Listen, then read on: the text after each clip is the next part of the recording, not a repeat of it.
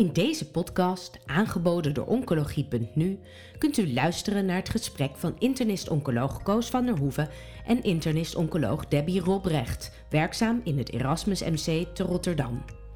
Aan bod komen de laatste ontwikkelingen met betrekking tot de behandeling van blaas- en prostaatcarcinoom, gepresenteerd tijdens het ESMO Congress 2022. ESMO 2022 in Parijs, ook over prostaatkanker en blaaskanker, waren vele presentaties en posters. En over de belangrijkste ga ik spreken met dokter Debbie Robrecht. Zij is internist-oncoloog in het Erasmus MC. Haar aandachtsgebied zijn de uh, tumoren van de uro-oncologie. En daarnaast is ze ook verantwoordelijk en betrokken bij de fase 1-studies. Welkom, uh, Debbie. Dankjewel, Koos. Dankjewel voor de introductie. Ik wilde beginnen met prostaatkanker. Daar is heel veel veranderd de afgelopen tien jaar. En uh, wat mij wel een klein beetje opvalt, en jou misschien ook, dat als je studies ziet over prostaatkanker, dat die vaak complex zijn. Ze hebben heel veel patiënten nodig om aan de statistische voorwaarden te voldoen. En vaak zie je dat gedurende de studie er nog allerlei amendementen komen. En dat was volgens mij ook voor een hele grote studie. En dat, dat heet The Radicals. En dat gaat over of adjuvante hormonale therapie zinvol is na lokale behandeling van een prostaatcarcinoom. En er was met name de vraag, als je dat dan doet, moet je dat dan kort geven, dat is zes maanden, of moet je dat lang geven, dat is 24 maanden. Wat kan je ervan zeggen over deze studie? Uh, klopt, Koos. Dit was inderdaad uh, ook zo'n studie die lang heeft gelopen en een relatief ingewikkeld design had. Deze studie heeft maar liefst 15 jaar gelopen. Nou, en deze Radicals eh, HD-studie werd dus gepresenteerd tijdens ESMO door Chris Parker. En zoals je al zei, werd er onderzocht of ADT toegevoegd aan radiotherapie na een operatie voordeel had. Um, en dan wat betreft de metastase vrije overleving uh, in vergelijk met um, uh, nou, een behandeling zonder ADT. En dan werd er ook nog vergeleken zes maanden versus 24 maanden. Nou, we weten in ieder geval als inleiding dat ADT een rol heeft bij um, primaire radicale radiotherapie, dus in de primaire situatie op de prostaat. Maar internationale richtlijnen die geven eigenlijk ook aan dat ADT overwogen kan worden bij salvage radiotherapie. Ja. Um, al dus na eerdere operatieve verwijdering van de prostaat. En dat was dus voor deze studie in deze populatie was dat dus ook het geval. Nou, dit waren dus uh, um, uh, patiënten um, waarbij de aanname was dat er, dat er een voordeel zou zijn op tien jaar metastasevrije overleving. Um, en um, het was dus een ingewikkeld design, eigenlijk met drie gerandomiseerde populaties. En er was dan een vergelijk tussen geen versus kort ADT, zes maanden, en kort versus lang ADT, 6 versus 24 maanden. En de follow-up was uh, negen jaar. Um, en wat dan in eerste instantie opviel, was dat de patiënten die kort ADT kregen uh, op baseline wel wat meer ongunstige ziektekarakteristieken hadden. Dus uh, ja, positieve uh, ziektevrije um, of chirurgische marges, een PT3B-stadium, een hogere Gleason score. Um, verder waren de populaties, dacht ik wel, relatief te vergelijken. Um, en wat dan betreft dat primaire eindpunt, metastasevrije overleving, was er geen verschil als men vergeleek tussen um, uh, radiotherapie louter versus radiotherapie met kort ADT. Dat had ook een hazard ratio van 0,89. Uh, en um, wat wel gezien was werd, was dat de tijd tot salvage ADT, dus eigenlijk het alsnog starten van ADT, was korter, dan wel dus beter in patiënten die de korte ADT hadden gehad, um, postradiotherapie, in vergelijking met geen eh, eh, ADT. Nou, er was geen verschil in overall survival met een hazard ratio van 0,88. Uh, en er was verder ook geen interactie gezien met de baseline waardes van PSA of baseline comorbiditeit. En als je dan vervolgens kijkt naar het vergelijk van kort versus lang ADT, dan was de metastasevrije overleving wel significant beter uh, ten faveur van die lange blootstelling. met een hazard ratio van 0,77. En dat gaf dan een, een 6% absoluut verschil op 10 jaar. Um, en ook weer een verbetering tot uh, het gebruik van salvage ADT. Nog even voor de goede orde. Dus die 6% had betrekking op metastasevrije ja. overleving, geen overal. Overall survival um, uh, was er eigenlijk geen significant verschil.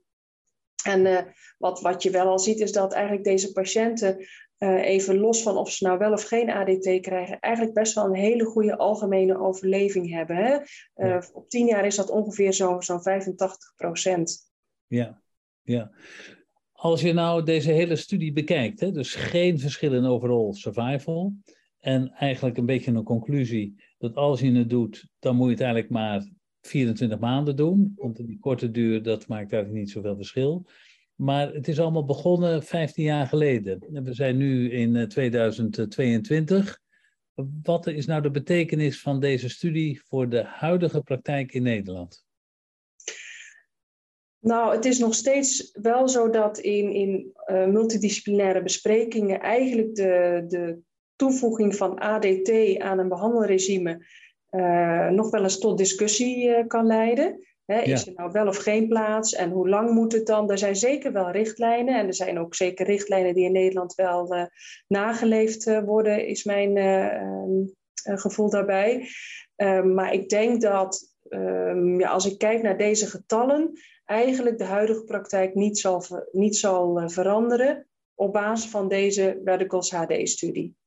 Nee, en dat betekent dat je het alleen doet als er prognostisch hele slechte kenmerken zijn. Mm En als je het dan doet, dan moet je het eigenlijk ook maar twee jaar doen.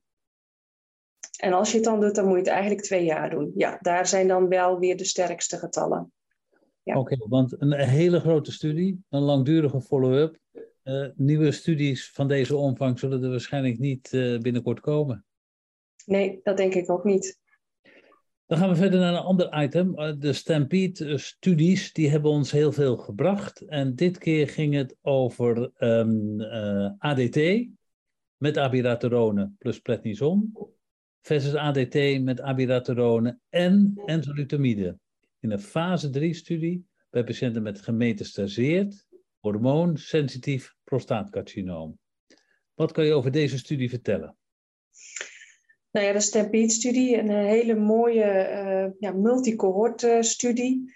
Uh, en dit cohort werd gepresenteerd door Gerrit Artaar. En uiteraard weten we al dat de toevoeging van een androgen receptor signaling inhibitor of een ARSI wat, of dat nou enzalutamide is of uh, of uh, uh, abiraterone. Als je dat toevoegt aan ADT bij de gemetastaseerde hormoonsensitieve prostaatkankerpatiënt, dat dat van toegevoegde waarde is als je kijkt naar progressievrije en ook overall survival.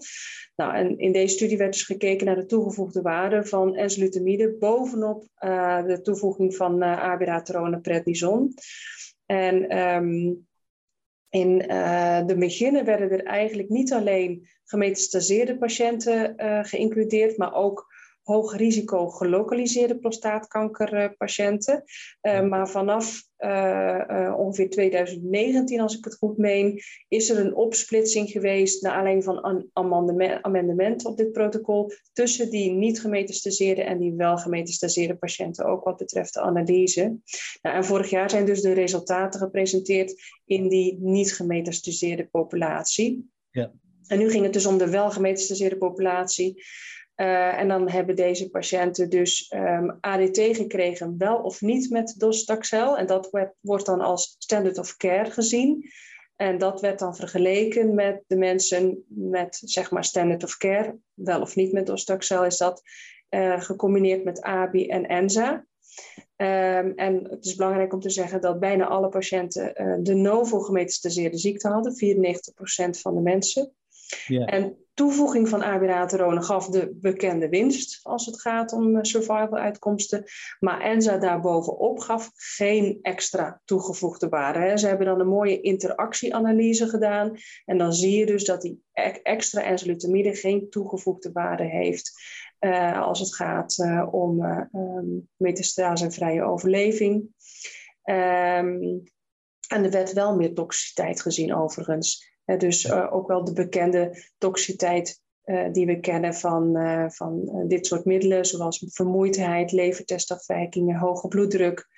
Ja. Ehm, dus geen toevoeging voor enzalutamide bovenop de reeds bestaande bekende combinatie uh, van, uh, van abiraterone toegevoegd aan, aan ADT en eigenlijk ook toegevoegd aan, aan docetaxel. Kun je nog heel kort iets zeggen wat de, die, die, die winst nou is van de, de toevoeging van de abiraterone aan de ADT in deze setting? Um, dus um, wat er werd gezien eh, qua overleving bij toe, van toevoeging van abiraterone aan ADT, even los van of dat nou met of zonder docetaxel was, dan was ehm, eh, na een eindpunt van zeven jaar was er een winst van uh, eh, 18 procent. Dus 48 procent van de mensen waren na zeven jaar nog in leven, in vergelijking met 30 procent zonder toevoeging van de abiraterone prednison. Dus een enorm verschil. Dus dat abiraterone, dat, dat, dat is standaard uh, als toevoeging aan de ADT.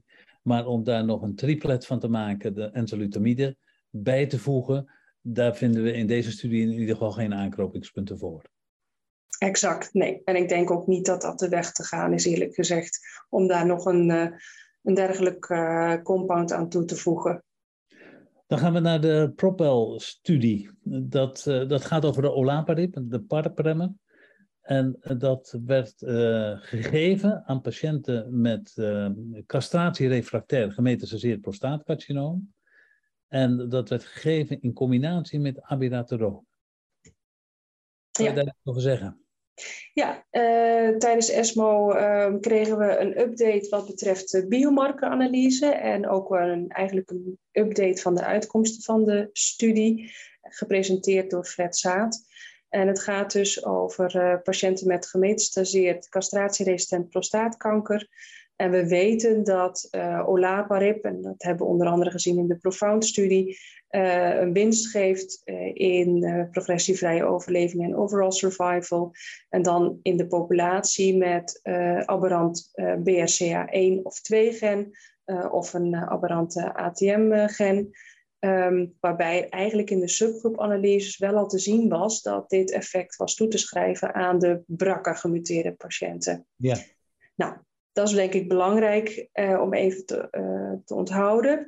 Nou, de Propel was dus een fase 3-studie met een combinatie van um, abiraterone met olaparib versus abiraterone plus placebo. En uh, er werd gezien een langere radiologische progressievrije overleving. En dat was dan onafhankelijk van de um, ja, homologe. Uh, dus um, um, eigenlijk onafhankelijk van, van mutatiestatus. Ja. En de populaties hè, met mutaties versus geen mutatie uh, die, die was eigenlijk goed gebalanceerd tussen de twee onderzoeksgroepen. Um, en de, de RPFS, dus de radiologische progressievrije overleving, wat het primaire eindpunt was, was wel degelijk significant verschillend met de, bij de combinatie met uh, abiraterone en olaparib, met een hazard ratio van 0,66 en dan een, een, een mediaan van 24 ongeveer versus 17 maanden. Dus opvallend genoeg, eigenlijk werd er dan een winst gezien van ruim acht maanden.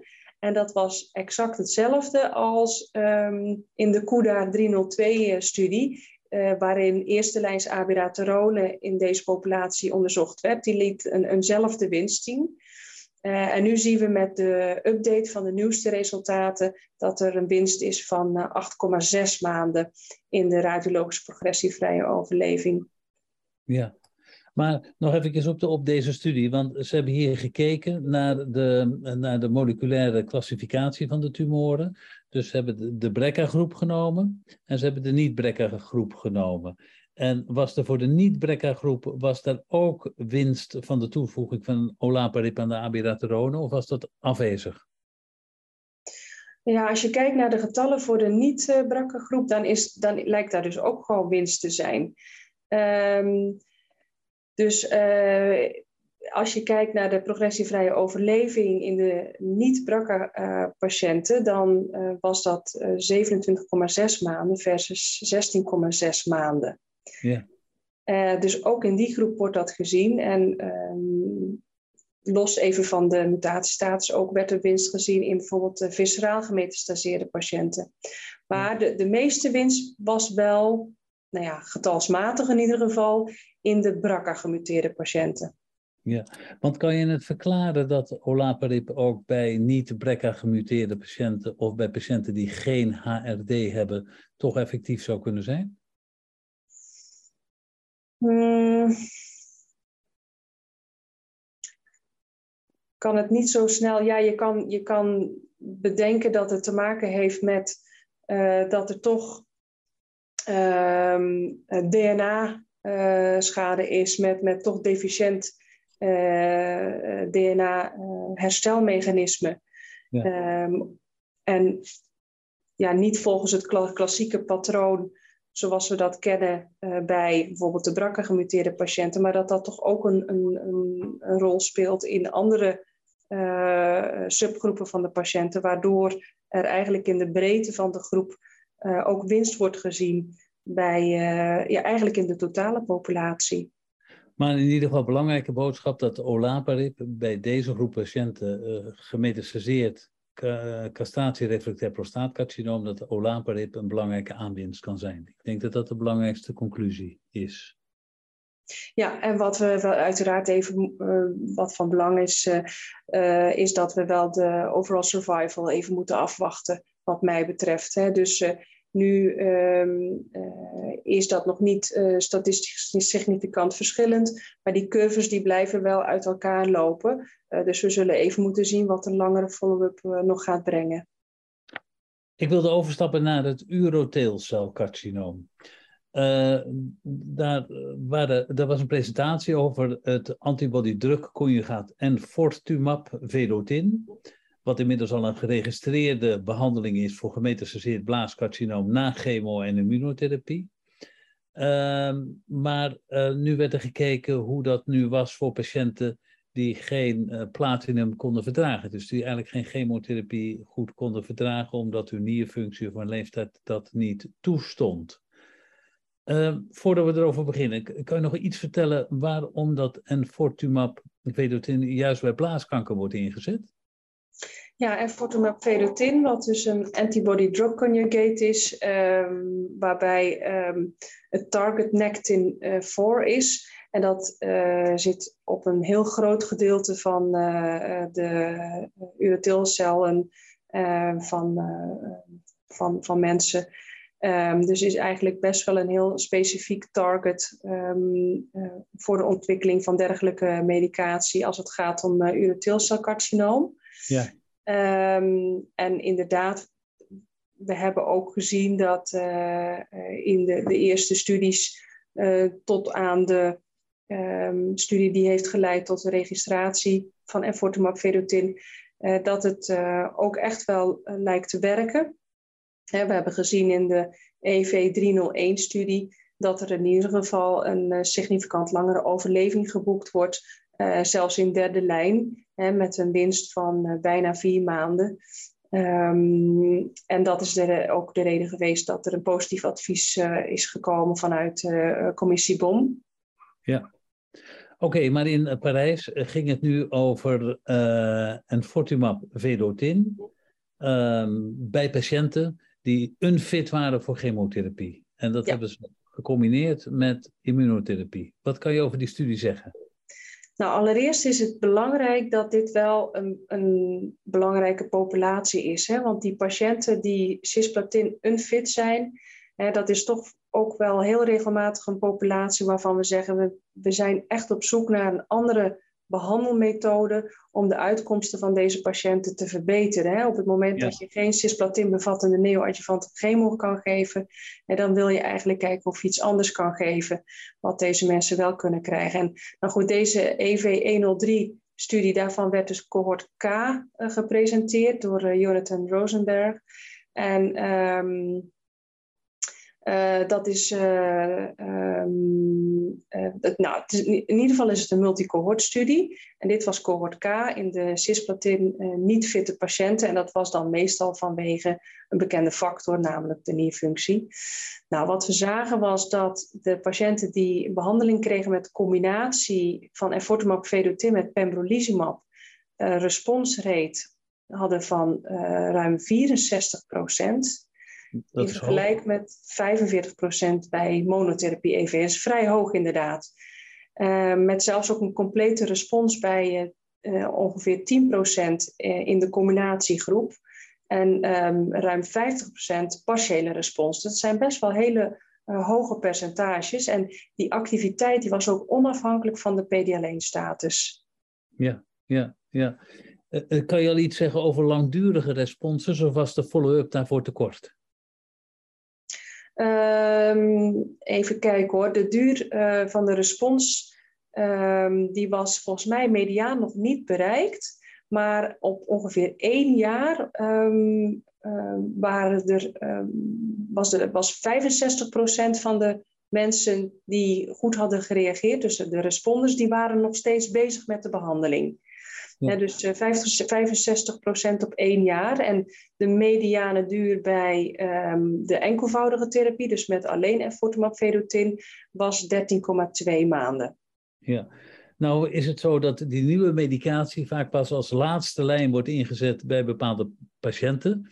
En hebben deze patiënten misschien daar uh, geluk bij een ongeluk, omdat ze een slechte nierfunctie of een hoge leeftijd hebben. En daarom kunnen ze het in eerste lijn krijgen. En misschien zou dat de verklaring kunnen zijn voor de hoge responsrate, dat ze het dan in de eerste lijn krijgen.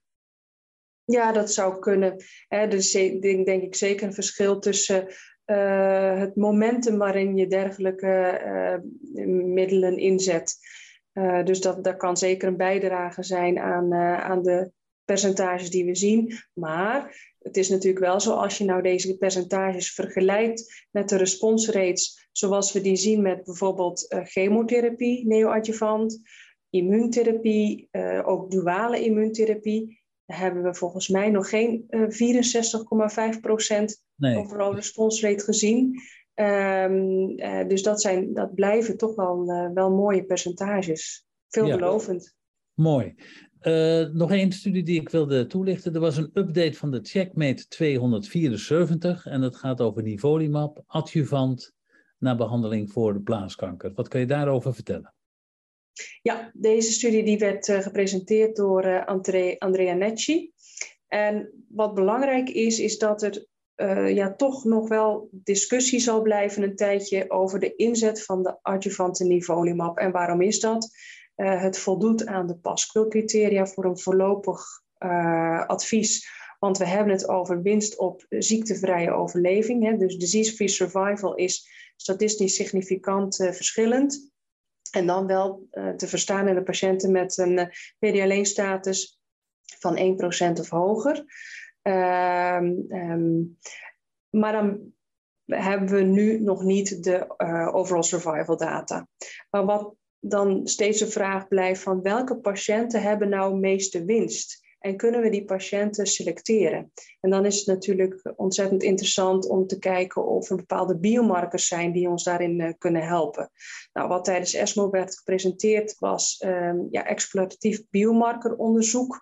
En dan heeft men gekeken naar um, signaturen vanuit RNA, uh, maar ook bepaalde individuele expressie uh, van genen op basis van het RNA, tumoral mutational burden en um, de uh, aanwezigheid van um, CD8-lymfocyten.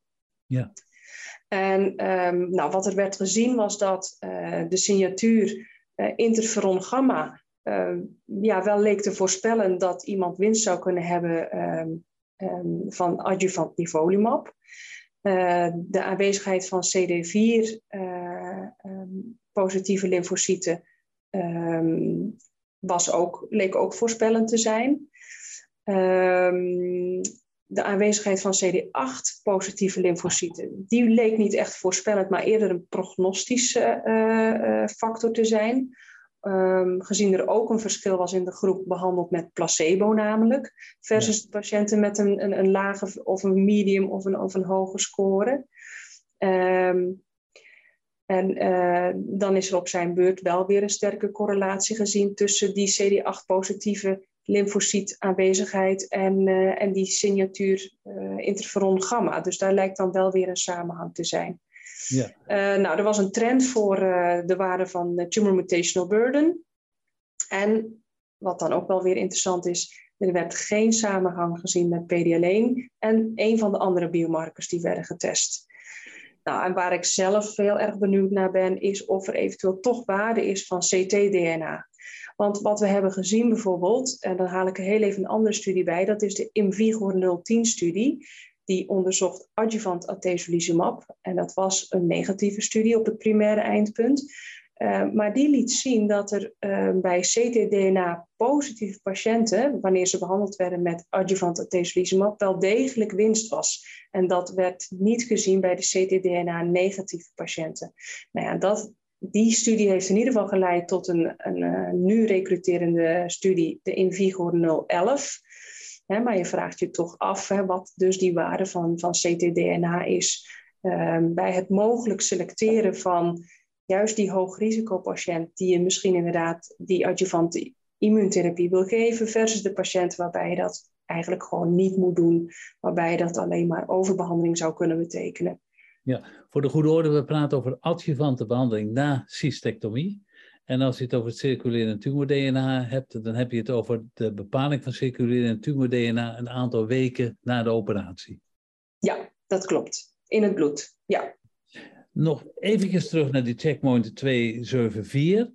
Waren er nou biomarkers waar, waarvan je zou kunnen zeggen, van nou, als een patiënt dit heeft, dan zou ik me adviseren om geen immunotherapie te geven?